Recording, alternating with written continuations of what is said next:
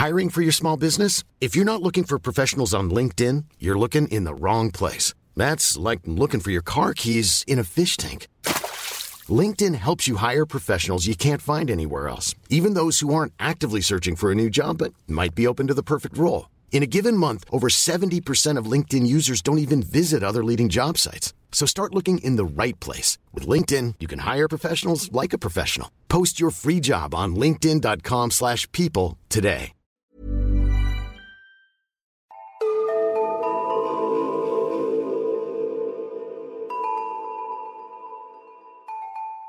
Hej och välkomna till Nära ögat, en true crime-podd för mesar. Mitt namn är Alexandra Kensdottir. Och jag heter Amelia Ingman. Det är så kul att vara tillbaka efter sommaren. Ja, det var länge sedan vi satt här i studion nu. Det känns lite ovant. Verkligen. Och jag vill passa på att tacka alla våra nya lyssnare. Det är så kul att ni har hittat till oss. Ja, jättekul. Och om ni bara har hört våra miniavsnitt under sommaren så kommer vi nu köra igång en ny säsong med vanliga avsnitt och de är lite längre. Ja, och jag är så taggad på att köra igång en ny säsong. Och om ni inte redan följer oss på sociala medier så hittar ni oss på Facebook och Instagram under namnet Nära ögat podd. Och där lägger vi alltid ut bilder från fallen som vi tar upp. Så gå gärna in och kommentera vad ni tycker om fallen och eh, ja, följ oss där helt enkelt. Ja, och ni kan såklart också tipsa oss om fall som ni tycker att vi ska ta upp. Och det gör ni enklast genom att skicka ett DM på Instagram. Ja, det är så tacksamt när ni skickar in tips. Vi uppskattar det jättemycket. Men du, nu tycker jag att vi kör igång det första avsnittet. Vill du kicka igång höstsäsongen? Ja, det vill jag. Nu kör vi. Idag ska jag berätta om Naomi Uni. Och mina källor är ett Youtube-klipp från Real Stories från Unilad. Podcasten Our True Crime Podcast, avsnitt 133. Och artiklar från BBC och Barkingham Dagenham Post. Naomi Uni föddes 11 februari 1992 i Dagenham i Storbritannien. Naomi växte upp med sin mamma Marian och Marian har albinism vilket innebär att man helt saknar färgpigmentet melanin. Så som en svart kvinna hade hon fått utstå väldigt mycket blickar under sitt liv. Och många som har albinism har nedsatt syn då de är väldigt ljuskänsliga. Och de saknar ofta förmåga till djupseende, vilket även då Naomis mamma Marian hade. Så redan från ganska tidig ålder blev Naomi Marians vårdare. Så hon fungerade som Marians extra ögon. Och Marian och Naomi bodde då tillsammans med Marians syster Lelly som även var Naomis gudmor samt hennes make. Och under uppväxten gillade Naomi det som de flesta tonåringar gör. Hon tyckte om musik, mode, kändisar och smink. Hon älskade ju speciellt då att sminka sig och att fixa håret. Men detta gjorde att en del var taskiga mot henne i skolan. De retade henne för hur hon såg ut och att hon försökte väldigt mycket. Och utåt sett så verkade alla de här kommentarerna bara rinna av henne. Men när hon var med sina närmsta vänner så kunde de se att det tog väldigt hårt på henne. Och Naomi hade tre väldigt bra vänner. Vida, Phyllis och Mary. Så hon anförtrodde sig väldigt mycket till dem. I det här gänget så var det då främst Naomi och Mary som blev retade av andra på skolan. Så de brukade ha varandras ryggar lite extra mycket. Men när de sen slutade skolan så flyttade vännerna åt olika håll. Och även om de inte kunde träffas lika mycket på riktigt så hade alla väldigt bra kontakt online och de pratade mycket i telefon eller chattade med varandra. Naomi tog en kurs och blev makeupartist. Och 2012 när hon var 20 år gammal så fick hon jobb på Victoria's Secret i Westfield Stratford. Och hon berättade för sin chef att hon brann för smink och skönhet och därför fick hon vara på skönhetsavdelningen. Och det här kändes som att det var helt rätt riktning för henne i livet. Hon hade en stadig pojkvän, ett jobb som var inom det hon älskade mest och hon såg väldigt positivt på framtiden. Men det här är ju en true crime-podd. Så att såklart är inte det här slutet. Mellan jul och nyår, den 29 december 2012, var Naomi tvungen att jobba. Och hon tyckte att det var väldigt tråkigt att behöva lämna familjen som stod och lagade massa god mat. Men hon åkte in till Westfield Strafford och tog sitt jobbpass på Victoria's Secret. Och butiken hon jobbade i låg i en galleria så den var öppen väldigt sent. Vilket gjorde att hon också slutade väldigt sent. På kvällen så packade hon ihop sina grejer och stängde butiken med sina kollegor. Sen tog de sällskap till tågstationen och sen sa de hej då och då tog hon tåget mot West Ham. Väl där så bytte hon till ett annat tåg till Barking. Och innan hon hoppade på sin sista buss hem så passade hon på att köpa med lite mat som hon skulle äta när hon kom hem. Klockan var nu runt midnatt.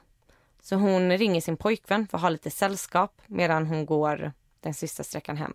Och när hon börjar närma sig lägenheten så känner hon ett litet obehag. Hon känner att det är någon som följer efter henne. Och när hon vänder sig om så ser hon i ögonvrån hur en kvinna som bär niqab går bakom henne. Och en niqab är en slöja där hela ansiktet är täckt förutom just ögonen.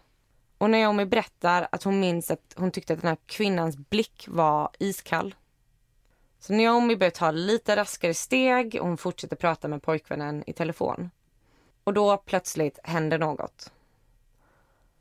Naomi känner hur hon får en vätska över ansiktet. Allt blir blött och det börjar bränna. Och det gör så fruktansvärt ont. Naomi börjar springa och hon springer snabbare än hon någonsin sprungit. Hon känner att den här vätskan luktar extremt starkt.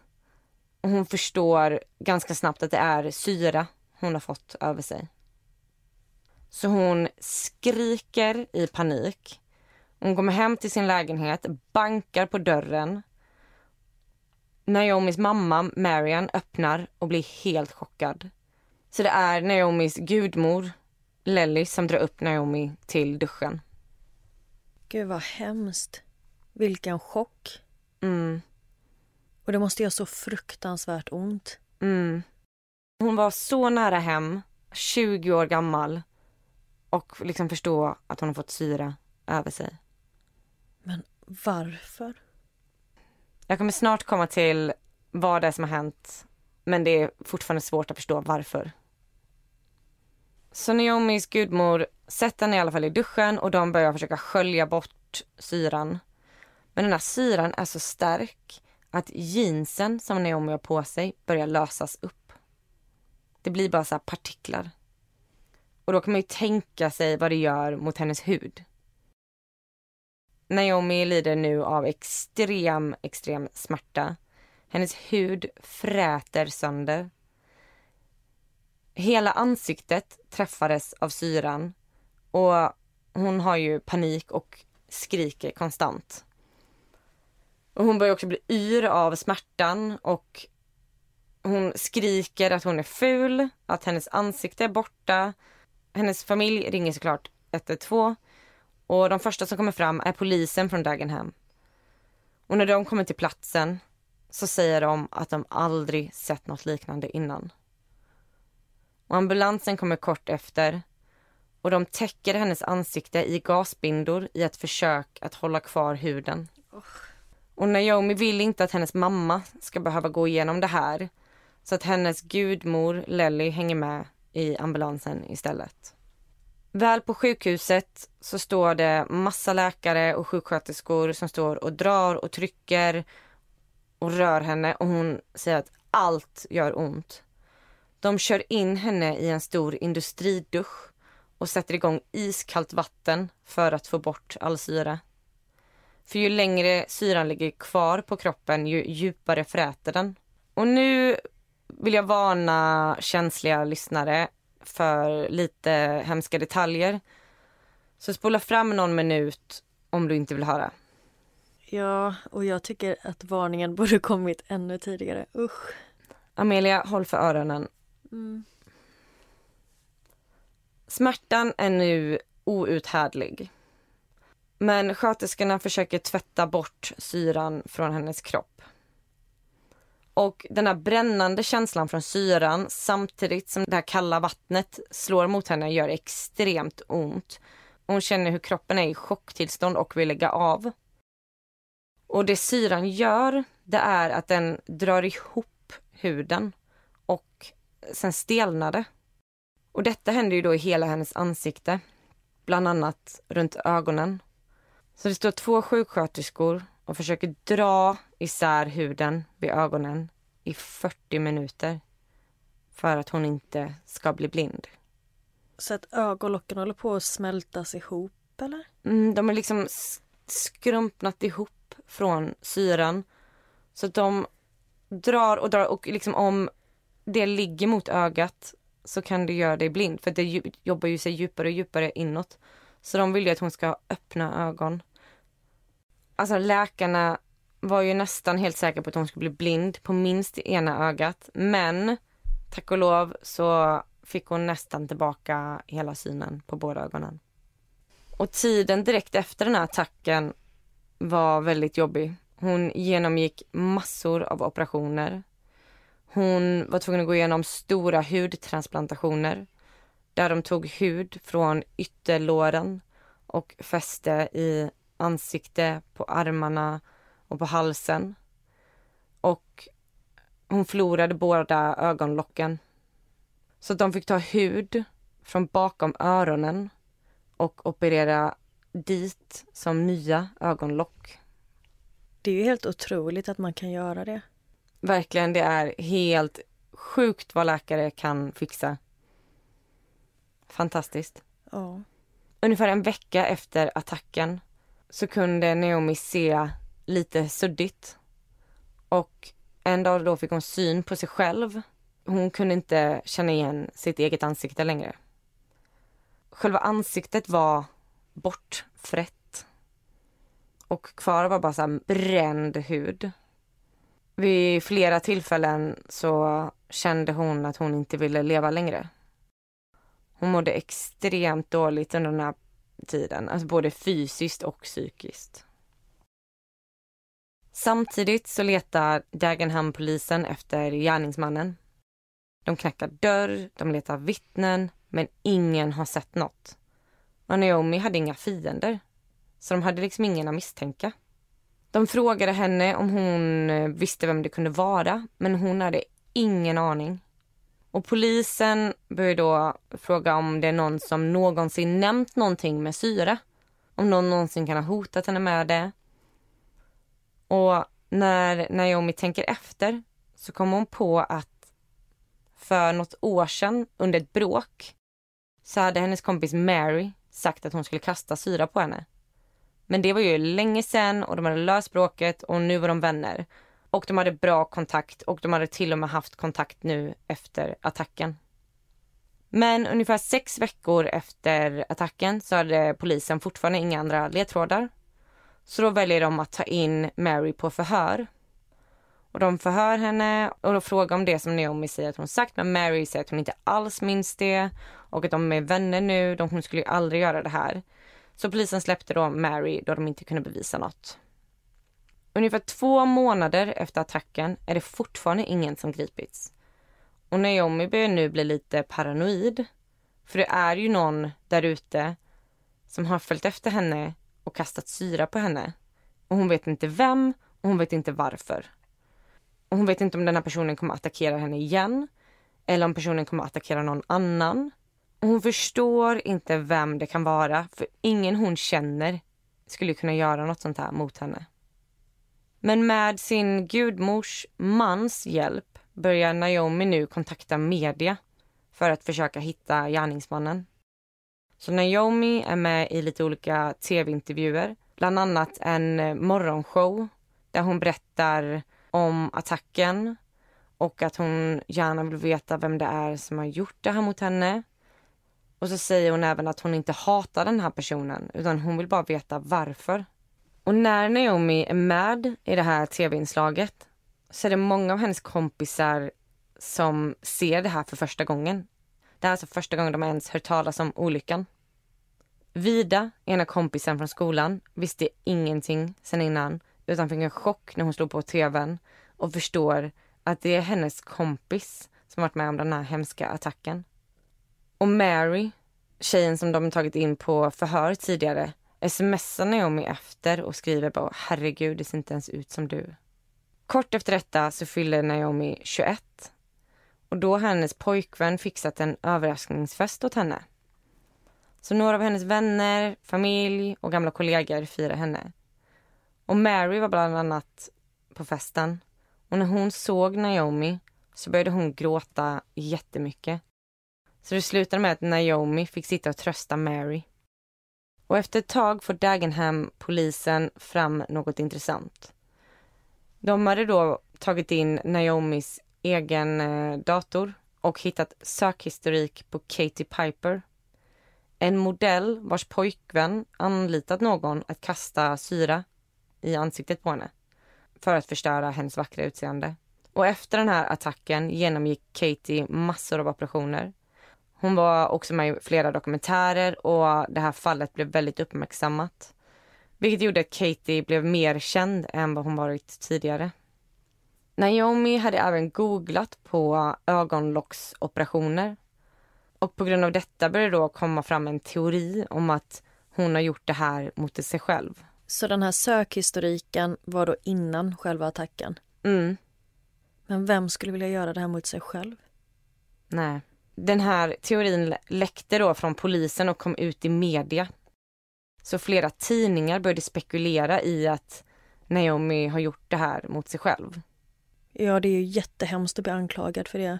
Men kan hon förklara varför hon har sökt på de här specifika grejerna innan attacken? Jag menar, det är ju en jättekonstig slump annars.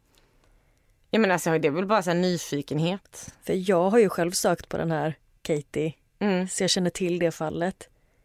Men ja, det låter ju inte sannolikt att hon skulle gjort det här mot sig själv, men samtidigt, vad konstigt. Mm. Men jag tänker så här, tänk på vår sökhistorik. Ja, den är galen. Alltså så mycket skit vi har googlat på. Alltså jag hade typ kunnat bli misstänkt för, jag vet inte vad, fruktansvärda brott. Ja, men alltså man har ju googlat allt möjligt. Och jag vet inte hur nära in på attacken hon hade googlat Katie Piper. Men om man tänker här, det här var 2012.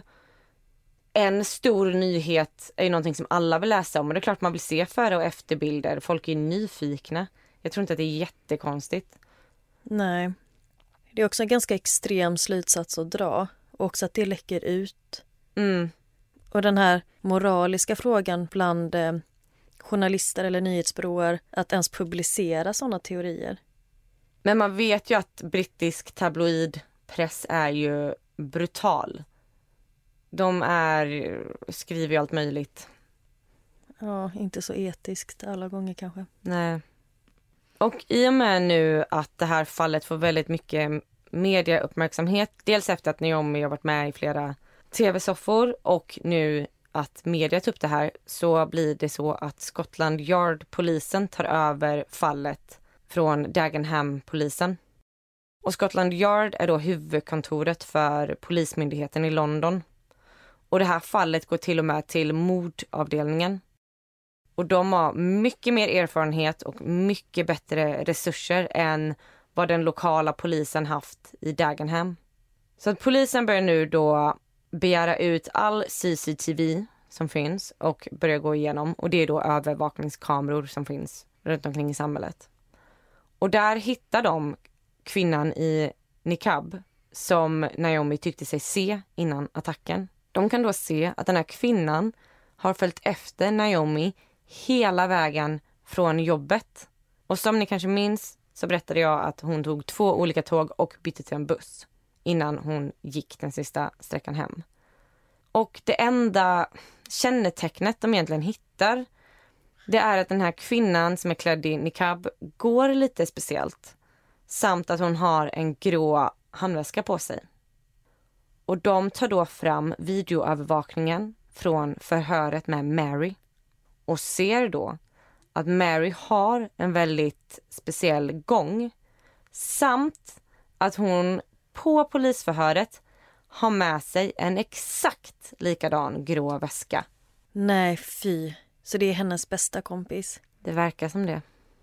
Men så dum i huvudet. Alltså, hemsk människa för att ha gjort detta. Men om hon nu har gått klädd i niqab för att täcka sin identitet. Mm. Varför inte då slänga den här handväskan eller ha en jäkla plastpåse med dina grejer i? Nej, alltså det, man förstår ju inte hur dum hon är.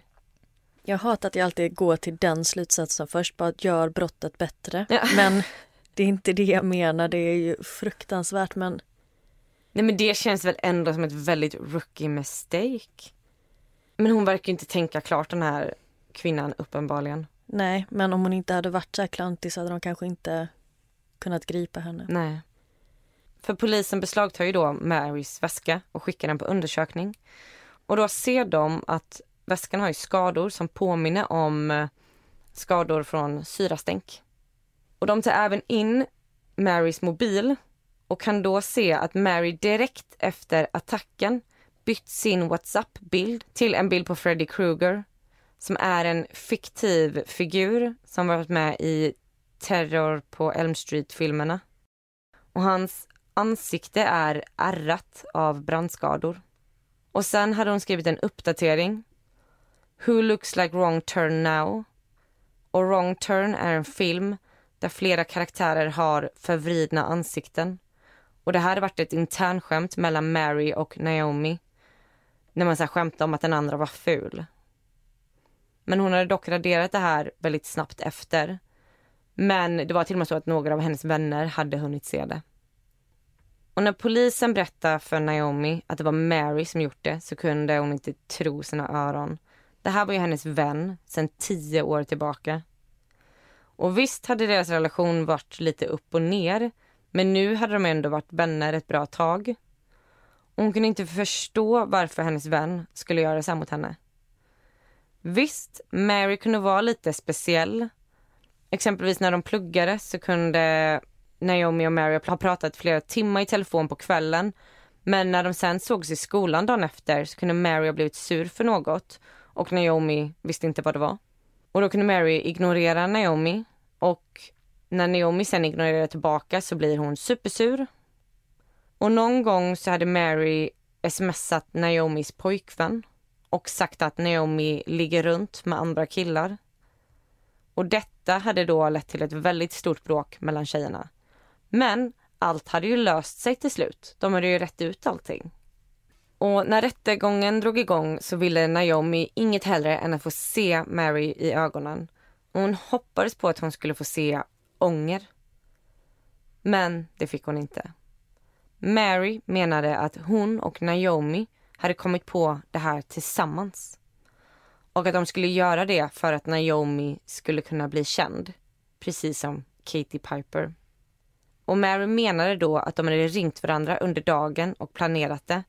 Men att Mary i sista sekund hade dragit sig ur och att Naomi tog syran och kastade den på sig själv. Och att hon egentligen inte tänkt träffa ansiktet men råkade kasta fel. Naomi blev så otroligt besviken, ledsen och bara kände sig förrådd av sin före detta vän. Och det Naomi och hennes vänner har spekulerat i är att det här grundade sig i någon slags avundsjuka. Den 23 januari 2014 dömdes Mary till 12 års fängelse. Naomis vän Vaida berättar att första gången hon träffade Naomi efter attacken så kunde hon inte känna igen henne.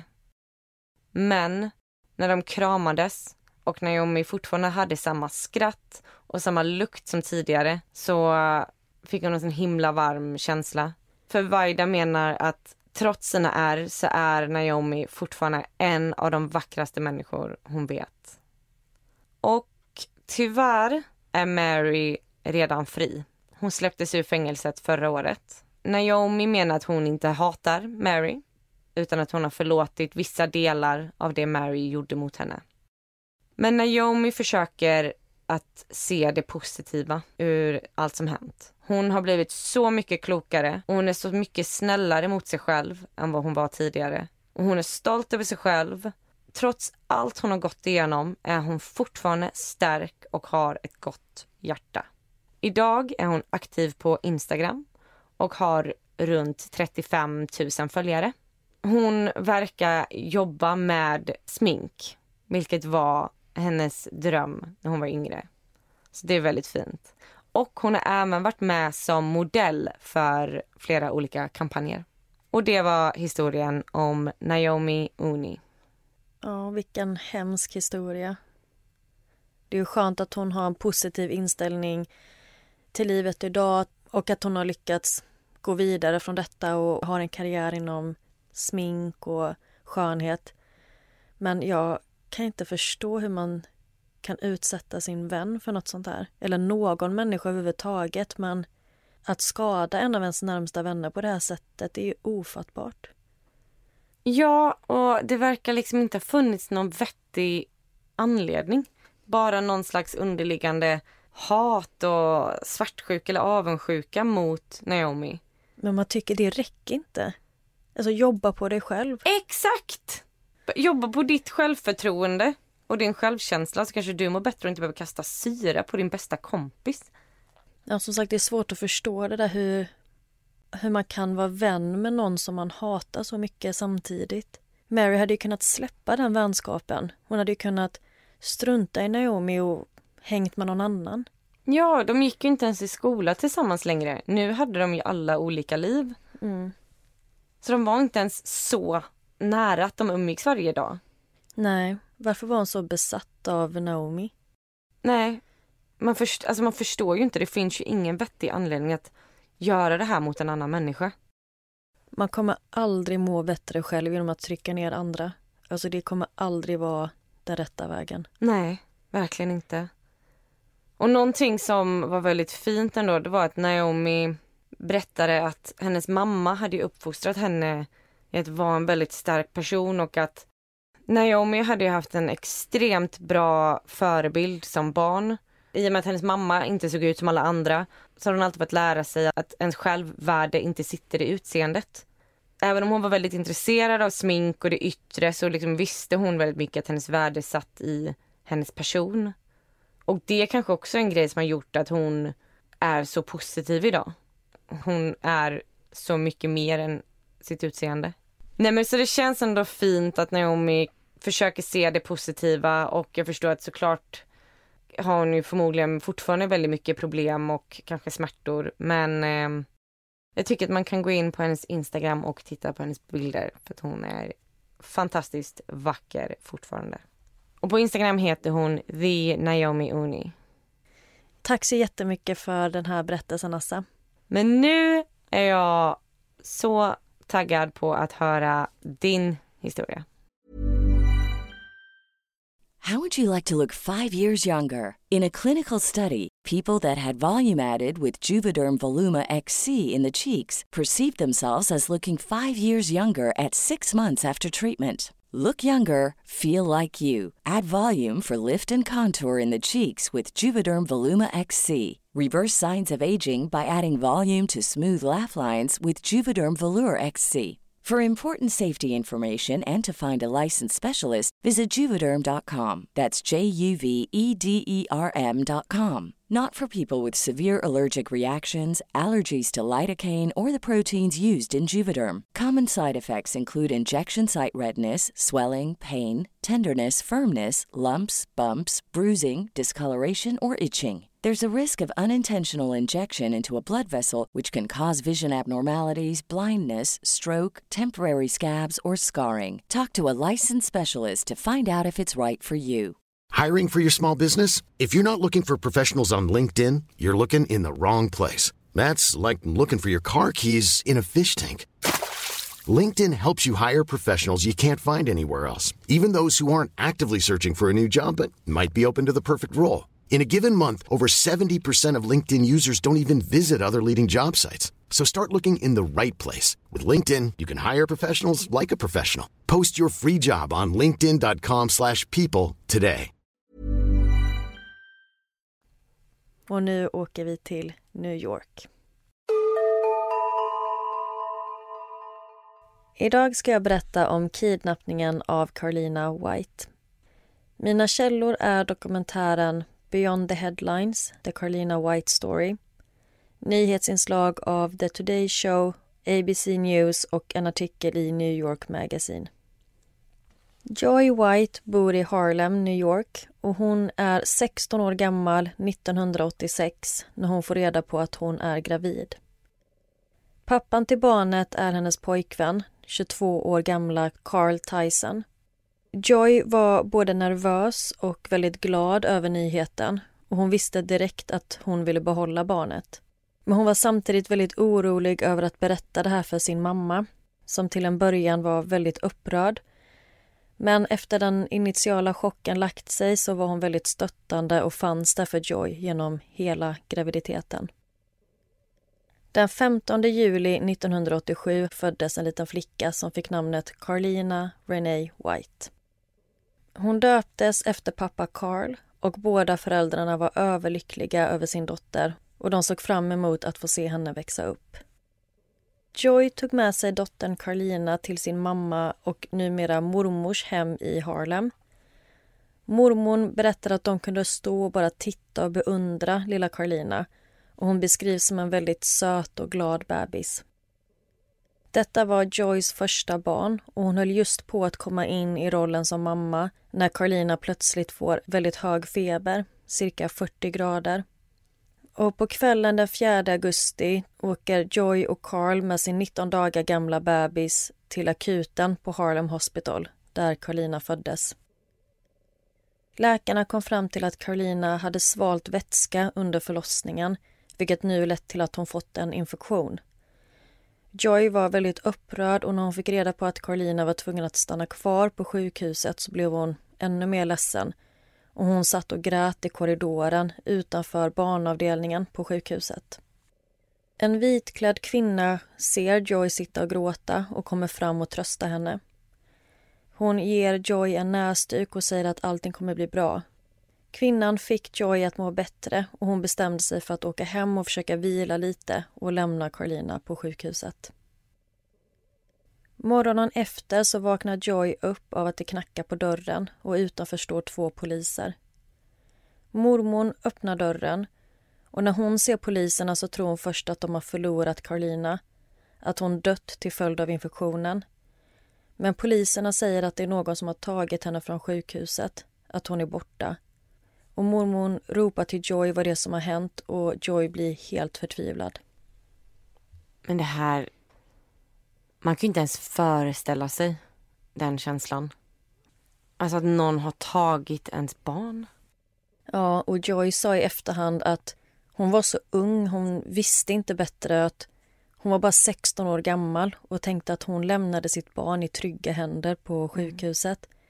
Men jag tror nog att vi alla hade tänkt det. Jag, alltså 100 procent. Nu har jag inga egna barn men man tänker att man kan lita på säkerheten på ett sjukhus.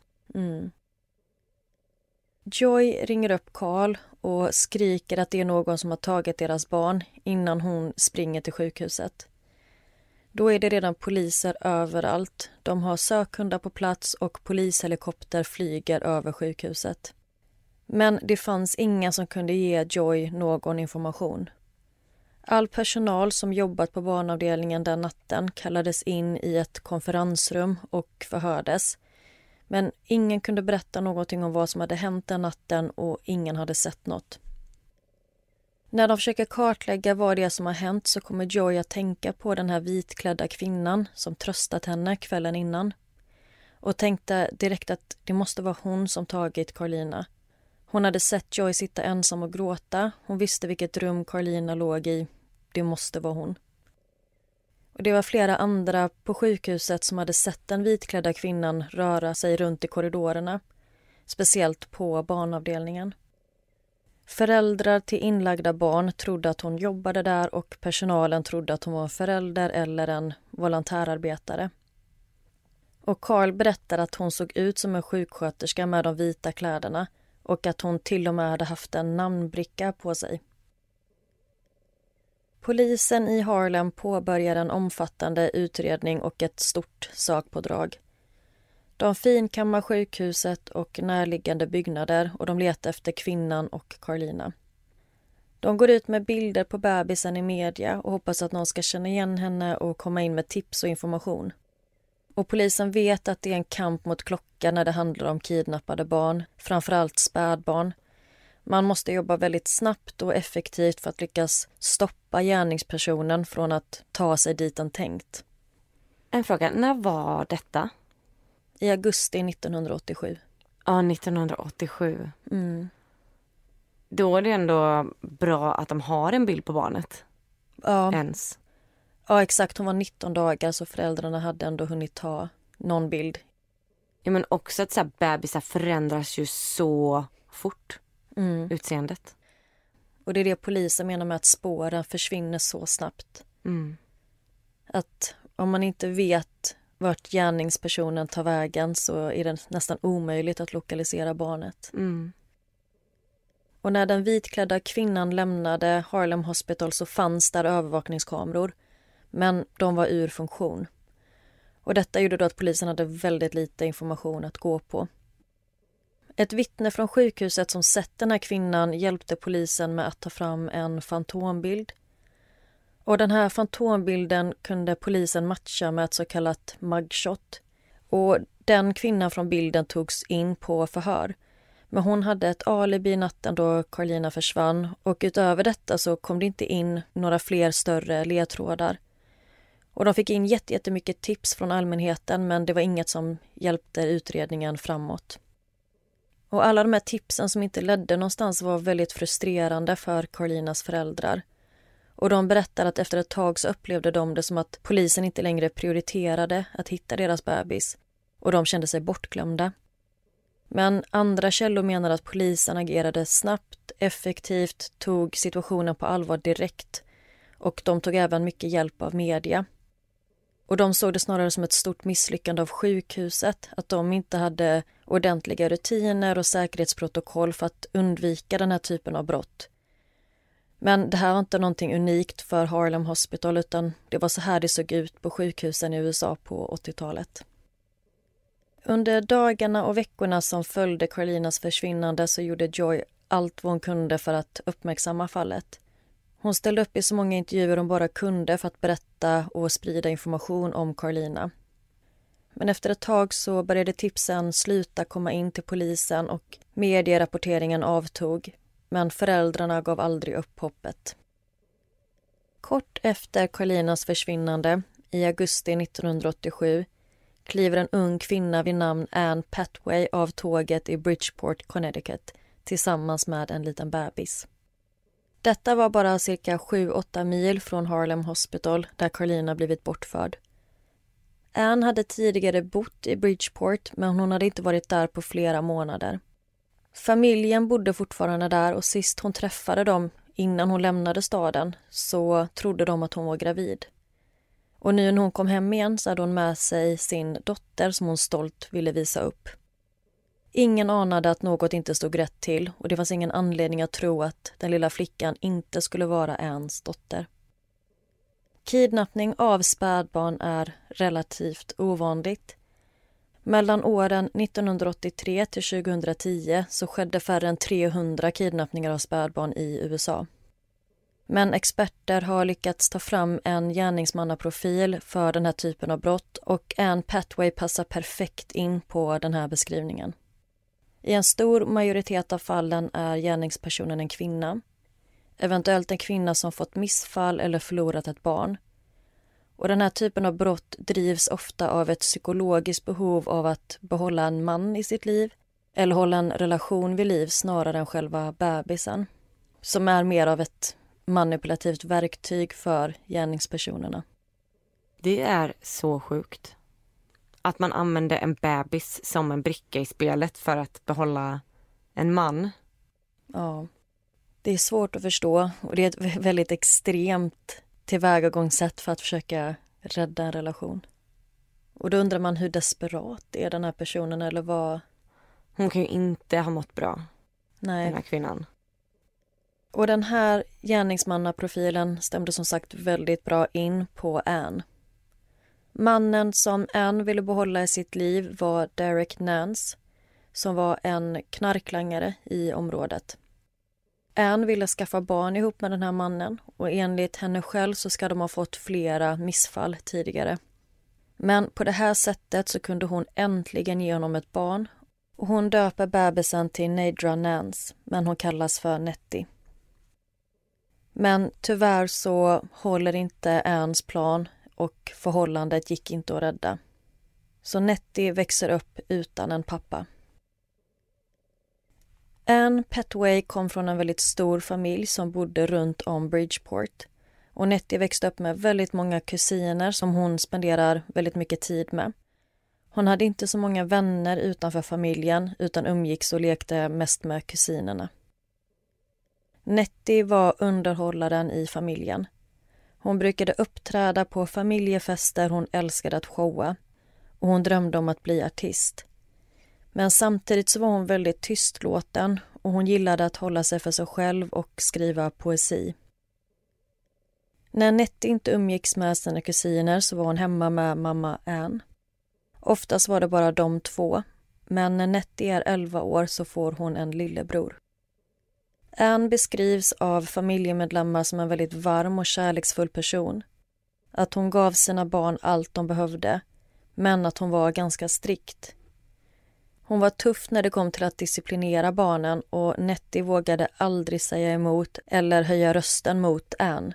Blev hon tillsagd att göra något så var det bara att lyda. Ann hade haft det ganska struligt och hon har blivit gripen av polisen flera gånger. 1991, 93 och 97 för droginnehav och stöld. Men Nettie hade ingen aning om detta när det hände utan det var först när hon var äldre som hon fick veta detta. Och de gånger som Ann satt häktad så fick Nettie flytta in till sin mormor och hon fick alltid olika förklaringar kring varför. Exempelvis att det skulle vara enklare för henne att ta sig till skolan därifrån. Det var som sagt aldrig någon som misstänkte att Nettie inte var Anns dotter. Trots att de inte alls var lika varandra. Men en av kusinerna menade att alla i familjen såg olika ut så att det var i sig inget konstigt. Nettie hade heller aldrig någon anledning att tvivla på Ann. Och hon tänkte att hon förmodligen såg ut som sin pappa men hon hade aldrig träffat honom och hon visste inte ens vem han var. Samtidigt i New York har Joy White fortfarande inte gett upp hoppet om att hitta sin dotter Carlina.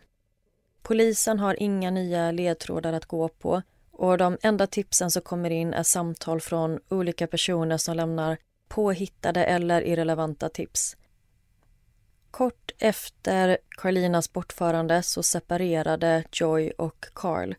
Men tillsammans så valde de båda två att stämma Harlem Hospital för oaktsamhet vilket lett till att eh, de möjliggjort för kidnappningen. Och 1992 så tilldelades de en förlikning på 750 000 dollar. Och de valde att lägga undan en stor del av de här pengarna till Carlina som hon skulle få tillgång till när hon fyller 21. För de trodde fortfarande på att hon kommer komma hem. Men allt de kunde göra var att vänta. Och de tänkte på henne konstant och Joy berättade att när hon åkte tåg eller när hon var ute bland folk och såg eh, små flickor så tänkte hon alltid Tänk om det där är Carlina. Årtionden gick och polisutredningen lades ner. Det fanns ingenting mer som polisen kunde göra. Men fallet hamnade hos National Center for Missing and Exploited Children. Och experterna här menar att i den här typen av fall, när spädbarn blir bortförda, så blir de oftast väl omhändertagna av kidnapparen. Och de är övertygade om att Carlina är omhändertagen och att hon växer upp någonstans i en annan familj med ett annat namn utan att ha någon som helst aning om vem hon är. Och hon kanske inte ens är medveten om att hon är saknad. För att hålla den här typen av fall vid liv så brukar den här organisationen ta fram bilder på hur de försvunna barnen kan tänkas se ut som vuxna eller som äldre barn. Och detta gör man genom att använda sig av den senaste bilden på barnet tillsammans med information om hur familjen ser ut. Sen sätter man ihop en gissning på hur barnet kan ha åldrats. Men detta är otroligt svårt att göra på ett spädbarn som bara är 19 dagar gammalt. Men med hjälp av bilder på Carolinas lilla syster som var väldigt lik henne som bebis så tar de fram en skiss på hur Carolina eventuellt kan se ut som 19-åring. Mamma Joy kämpade också med att hålla fallet vid liv i media. Hon fortsatte ställa upp i intervjuer och pratade om Carlina. Hon ville få hem sin dotter igen och hon var övertygad om att hon var vid liv. Så Joy ville få ut sitt budskap och hoppades på att Carlina skulle se detta och höra henne och hon ville be Carlina komma hem. 2005 bor Nedra, eller Nettie, fortfarande i Bridgeport, Connecticut. Hon är 17 år och har precis fått reda på att hon väntar barn. Hon är i ett fast förhållande och är väldigt glad över graviditeten. Det enda problemet är att hon inte har någon sjukförsäkring. Så hon gick till sin mamma Ann och bad om hjälp och frågade efter sitt födelsebevis, vilket krävs om man ska teckna en ny försäkring. Men Ann försäkrade henne om att hon kommer ta hand om allt och att Nettie inte behöver oroa sig. Men efter ett tag så börjar Nettie bli otålig. Hon vill få det här problemet ur världen men Ann kommer bara med olika ursäkter och ingenting blir gjort. Så Nettie började snoka runt bland mammans papper och hittade ett dokument som såg ut att vara ett födelsebevis. Hon tar med sig detta och gick för att ansöka om en försäkring. Kvinnan som tar emot Nettie säger till henne att hon kan bli polisanmäld om hon ansöker om en försäkring med det här dokumentet. Och Nettie fattar ingenting. Hon försöker förklara att hon måste ha en sjukförsäkring för att hon är gravid. Men kvinnan som jobbar där menar att de här papperna är förfalskade. Och när Ann kommer hem från jobbet den kvällen så konfronteras hon av Nettie och är tvungen att förklara varför hon har förfalskat de här papperna. Ann säger förlåt och börjar gråta. Nettie frågar vad det är hon säger förlåt för.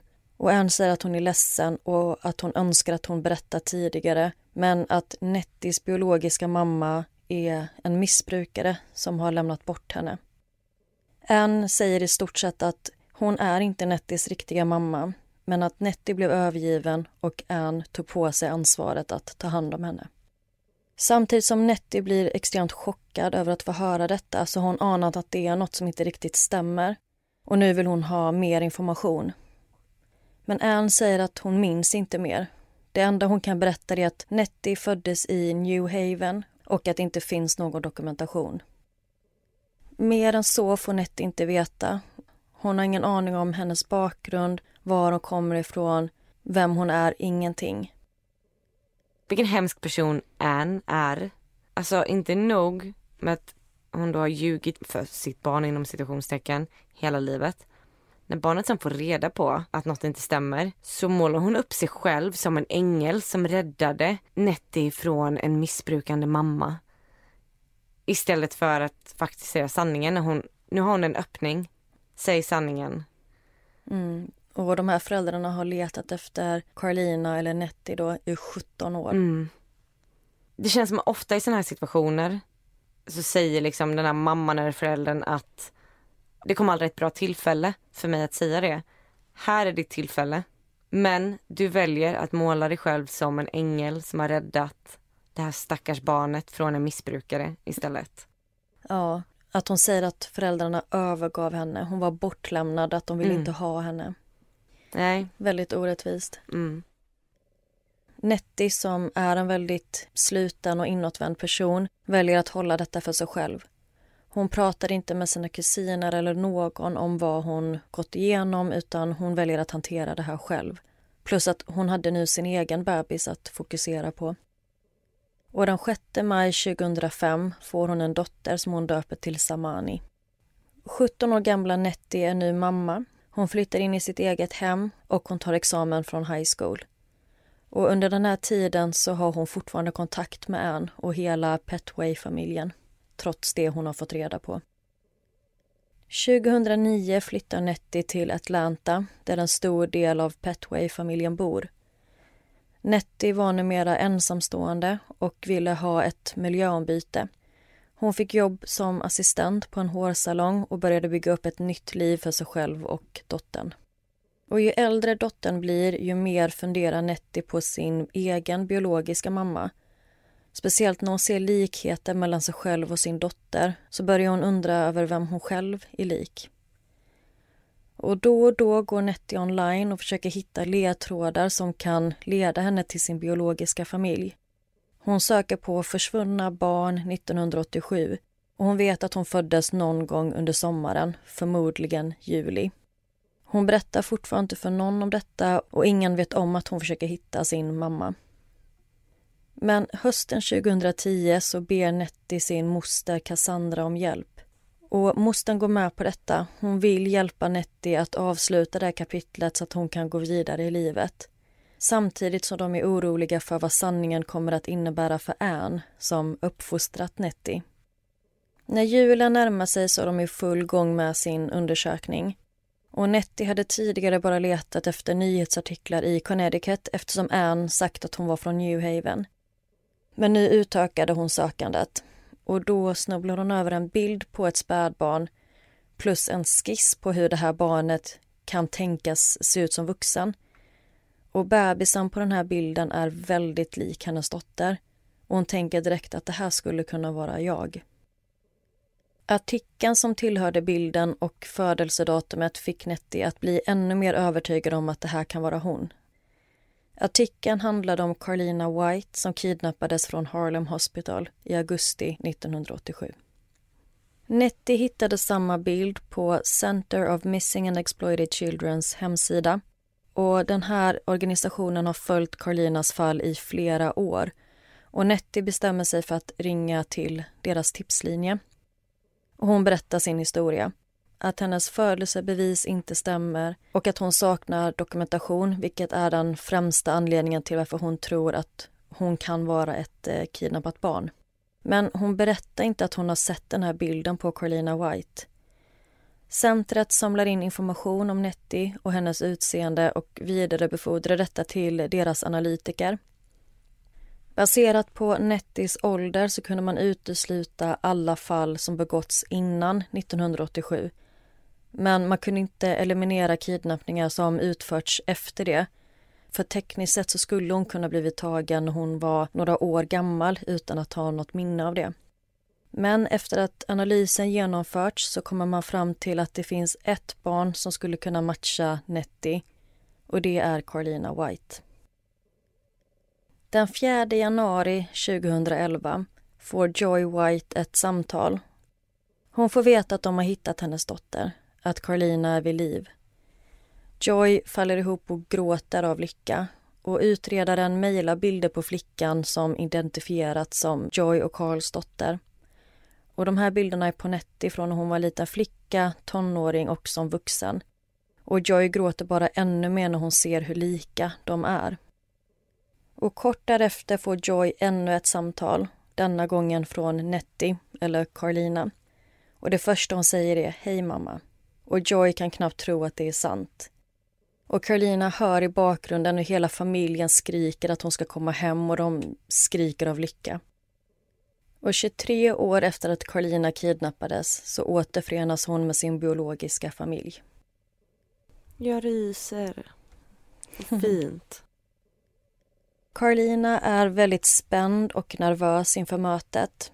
Tillsammans med sin dotter så flyger hon från Atlanta till New York där den biologiska familjen har samlats. Pappa Carl kramar om Carolina och börjar gråta och Joy kommer fram och skriker att det är vår baby och återföreningen var allt som de någonsin hade kunnat drömma om. Det var helt fantastiskt och de beskriver det som att det inte kändes som att en enda dag hade passerat. Det var helt naturligt och de var bekväma och trivdes i varandras sällskap. Och Carolina berättar att det enda hon kände var lycka, att det var helt overkligt. Alltså jag vill så gärna se bilder sen. Ja, det finns en jättegullig bild från den här middagen när eh, Carolina sitter mittemellan föräldrarna. Så jag kan lägga upp den. Men den här lyckan var relativt kortvarig. För kort efter återföreningen så började problem dyka upp. Historien om den kidnappade flickan som hittat hem efter 23 år blev en jättestor nyhet. Och när det var dags för Carlina att åka hem till Atlanta igen så var det helt fullsmockat med press utanför hennes hem. Allt var väldigt överväldigande och hon uppskattade inte den här uppmärksamheten. Och I och med den stora medierapporteringen så gick det inte längre att hålla det hemligt. Många i Petway-familjen fick höra om det här på nyheterna. Och de hade ingen aning om att Nettie hade gjort detta eller sökt efter sin biologiska mamma eller att... Utan det var första gången de ens fick nys om detta. Och de blev såklart chockade och ledsna och i media sa man att Carlina misstänkt det här under flera år, att hon inte hört hemma i Petway-familjen. Men samtidigt så var släkten väldigt glad över att hon fått de här svaren som hon letat efter. Och de menar att det här förändrar inte någonting. De är fortfarande hennes kusiner och familj och de finns där för henne. Men Carlina oroade sig för vad som kommer hända med Anne. Och Anne hade flyttat till North Carolina och när polisen åkte hem till henne för att förhöra henne så var hon inte där. Och i media så framställdes hon som en galning och att hon höll sig undan från polisen. Men familjen menar att hon hade lämnat hemmet för att köra den då 13 år gamla sonen till släktingar innan polisen kom. Den 23 januari 2011 lämnar Anne över sig själv till polisen i Bridgeport. Och I förhör så berättar hon att hon har orsakat väldigt många människor väldigt mycket smärta. Men hon menar trots detta att hon är oskyldigt anklagad för kidnappning. Under rättegången upplever Joy det som att Anne inte förstår vad hon har gjort. Det verkar som att hon inte tycker att hon gjort något fel och hon visar ingen ånger. För Carlina så var det väldigt jobbigt att genomgå den här rättegången. Hon ville få svar på varför. Hon ville veta anledningen till kidnappningen och hon ville höra Anns version. Men Carlina tyckte det var väldigt jobbigt att hennes lillebror nu skulle bli separerad från sin mamma och förmodligen få växa upp utan henne. Och hon var villig att ge Anne en andra chans. Och Carlina tror inte att fängelsestraff kommer lösa något. Men samtidigt så vill Carlinas föräldrar att Anne ska dömas till minst 23 års fängelse. För de menar på att hon tog 23 år från deras liv och det är det hon förtjänar. Och de här olika förhoppningarna om vad som skulle hända Anne skapade en spricka mellan Carlina och de biologiska föräldrarna. Joy och Carl kände en sån extrem ilska mot Anne men Carlina menar att det endast kommer gynna dem ifall Anne får fängelse och att hon inte tycker att de bryr sig om hennes känslor. Och ytterligare en sak som gör sprickan mellan dem större det är att under återföreningen så berättade Carlina en historia om att Anne slagit till henne med en sko i ansiktet när hon var liten. Så pass hårt så att det hade blivit ett skoavtryck på kinden. Och den här historien hade gjort Joy väldigt upprörd. Att kvinnan dels stjäl hennes barn och sen behandlar henne illa var för mycket för Joy. Och den här historien kom ut i media, vilket knäckte Petway-familjen och drev då Carlina och föräldrarna längre ifrån varandra. Carolina menar att det hade inte varit så illa som det lät och Petway-familjen berättar att Carolina haft en väldigt bra, kärleksfull uppväxt och att det inte alls föregick någon vanskötsel eller misshandel. Och de menar att den biologiska familjen och media förvränger sanningen så att det ska passa deras narrativ bättre. Media försökte även skapa drama kring de här pengarna som Joy och Carl fått i förlikelsen med sjukhuset. Föräldrarna hade från en början gått ut och sagt att de lagt undan de här pengarna åt Carlina. Men sen så hade livet kommit emellan. Både Joy och Carl hade fått andra barn och de behövde pengarna för att leva. Vilket Carlina var helt okej okay med. Hon brydde sig inte om de här pengarna och hon, hon ville bara hitta sin familj. Men media försökte ändå skapa drama kring detta och det bara infekterade relationen ännu mer. Och när det var dags för domen så erkände Anne Pathway sig skyldig till kidnappning till skillnad från de initiala förhören och hon dömdes till 12 års fängelse. Månaderna efter återföreningen med Carlina och föräldrarna gick och när våren kom så hade de fortfarande inte lyckats få till en andra träff. De hade väldigt lite kommunikation och de biologiska föräldrarna upplevde det som att de fann henne men att de nu har förlorat henne igen. Att Carlina valde att återvända till familjen som stal henne från dem. Men det är jättekomplicerat att bygga upp en relation efter ett sånt här trauma. Och en av experterna i den här dokumentären jag tittade på berättar att det är oerhört viktigt för de biologiska föräldrarna att inte behandla Carlina som ett barn. Att de måste ta ett steg tillbaka och försöka lära känna vem den här personen är. Att de måste bygga en relation baserat på vem personen är idag och inte vem de önskade sig skulle komma hem.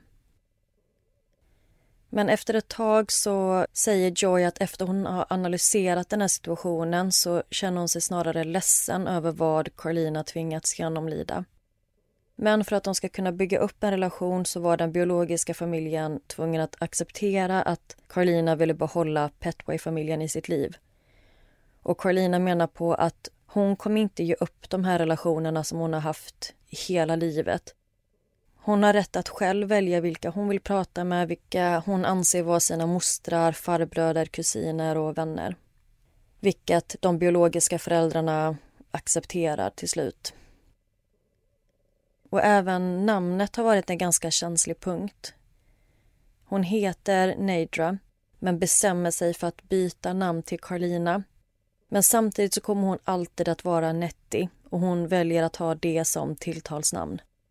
Hon menar att Nedra och Carlina tillhör två olika familjer. Men Nettie är bara hon och det är ett smeknamn som hon gav sig själv. Och Den senaste rapporteringen som jag kunde hitta om det här fallet är från 2014. Och Då hade Nettie kontakt med både sin biologiska familj och Petway-familjen. Och Hon säger att hon känner sig rikare i livet. Nettie är nu i 30-årsåldern och hon lever ett tyst liv utanför rampljuset. hon är väldigt glad över allt som har hänt. Hon är tacksam över att hon numera vet vem hon är och var hon kommer ifrån. Och det är allt hon ville ha. Och det var historien om Carlina White. Vilken spännande historia. Och det måste vara så sjukt svårt att vara i den situationen som hon hamnade i. För jag menar, hon har ju ändå vuxit upp med en som sin mamma. Och liksom sina kusiner och släktingar. Det är ju hennes familj. Men samtidigt, jag förstår ju ilskan hos de biologiska föräldrarna. Ja, det är jättemånga intervjuer där hennes biologiska mostrar och kusiner bara sitter och gråter och det enda de säger vi vill bara att hon ska komma hem. Alltså efter de har hittat henne. Och Nettie kände ju väldiga skuldkänslor över att Anne riskerade fängelse när hon försökte hitta sin biologiska mamma. Och hon var väldigt kluven kring det. Liksom, är det värt att utsätta Anne för detta? Men hon behövde få reda på sanningen. Men vad tycker du om straffet? Förtjänade hon fängelse? Eller skulle det varit upp till Nettie? Alltså, det är det som är så svårt. För å ena sidan så har ju Anne gjort något fruktansvärt. Hon har tagit ett barn ifrån dens föräldrar. Men samtidigt så är det som att Nettie blir dubbelt bestraffad. Dels har hon blivit tagen från sina biologiska föräldrar och sen ska hennes, den personen som hon ser som sin mamma, personen som hon har vuxit upp med, lida. Mm. Och enligt Nettie och hennes kusiner så verkar det som att hon ändå har haft en bra uppväxt vilket jag tror bara är, gör det ännu mer komplicerat för mm. Nettie. Hon kan ju inte blunda för det här faktumet att hon faktiskt har en biologisk familj någonstans som att, förmodligen letar efter henne. Och att hon blev liksom tagen mot deras vilja och att alltså hela deras liv har gått ut på att leta efter Nettie eller Carolina. Mm. Men det som är så svårt är så här när skadan väl är skedd så är det ju ändå Nettie nu som får lida när Anne då åker i fängelse på grund av vad Anne gjort mot Nettie. Ja.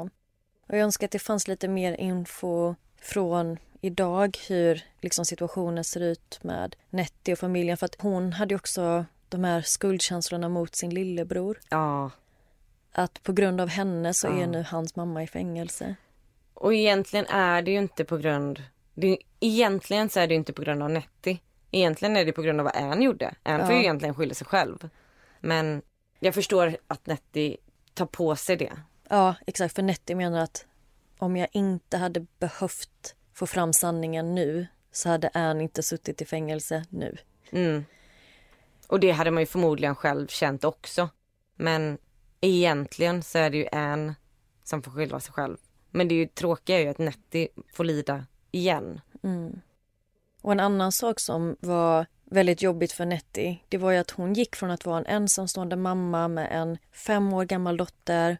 Hon hade sitt jobb, hon hade sitt lugna liv, men så hade hon ju den här nyfikenheten kring sin bakgrund som hon inte kunde ignorera. Så hon gick från att ha det här vanliga livet till att hamna på tidningar och i nyhetsrapporteringar på tv, överallt. Och alla ville prata med henne, alla ville dela hennes historia. Och hon ville ju inte detta, hon vill inte synas, hon vill inte ha den här uppmärksamheten. Ja, men och just kanske när det blir sån här alltså skvallerjournalistik, då blir det så åh, sensationsnyheter. Alltså de för stora grejer som kanske egentligen inte var så stora.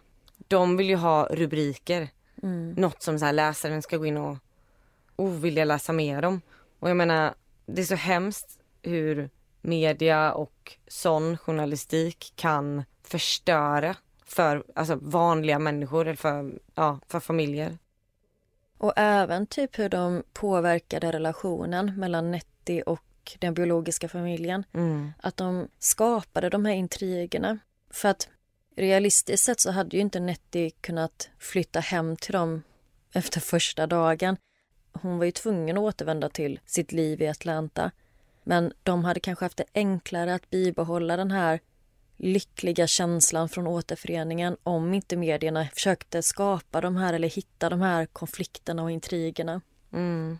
Och det måste ju vara fruktansvärt jobbigt för den biologiska familjen att så här, och nu får vi äntligen tillbaka vårt barn. Och det man kanske inte har tänkt på som biologiska föräldrar det är att alltså barnet har ju vuxit upp i 23 år med en annan familj. Alltså det är ju Nettis nya familj. Och all kärlek som hon har, har ju hon för den familjen. Och sen så har väl hon känt den här sak, alltså pusselbiten som har saknats. Men det måste vara så svårt att så här, vet, man har letat efter sitt barn hela sitt liv och man har känt så extrem kärlek och längtan. Och att det här barnet inte har vetat om det ens. Mm. Och då måste det ju som biologisk familj vara svårt att acceptera att de är bara en pusselbit mm. i Nettis liv, mm. inte hela hennes liv. Mm. Och det är ju extremt orättvist. Alltså det Anne gjorde mot dem är ju fruktansvärt. Alltså Anne tog ju hela deras liv. Så jag förstår, alltså jag fattar att de bara, nej men minst 23 år, hon ska få det hon tog från oss. Jag fattar den ilskan. Ja. Det, det går, alltså hur man än vrider och vänder på det så finns det inget perfekt slut. Nej, det gör det verkligen inte. Och en sista grej här innan jag rundar av för idag. Det är att Carlina, eller Nettie, hon var ju separerad från sin familj mellan 1987 till 2011. Och detta gör hennes fall till ett av de längsta fallen av ett kidnappat barn som har lösts i Center of Missing and Exploited Children's historia. Mm. Så detta fallet har ju gett så många andra familjer hopp. Och på grund av detta så blev det också en sån sensation. Mm. Men ja, nu tror jag det är dags att runda av för idag. Känns som att det blir ett långt avsnitt. Ja, jag tror att eh, första avsnittet här blev eh, ganska långt. Ja, men det är väl skönt att eh, vi är igång igen. Ja. Och tusen tack för att ni har lyssnat på dagens avsnitt. Ni hittar såklart bilder från fallen på vår Instagram. Amelia, vad heter den? Nära ögat podd och det heter vi även på Facebook så in och eh, följ oss där. Ja, och glöm inte heller att eh, gärna ge oss fem stjärnor om vi förtjänar det på Podcaster eller Acast eller vilken spelare ni nu lyssnar på. Och lämna gärna en recension. Och med det sagt så tackar vi för oss. Ja, ha det så bra. Puss puss. Hej då.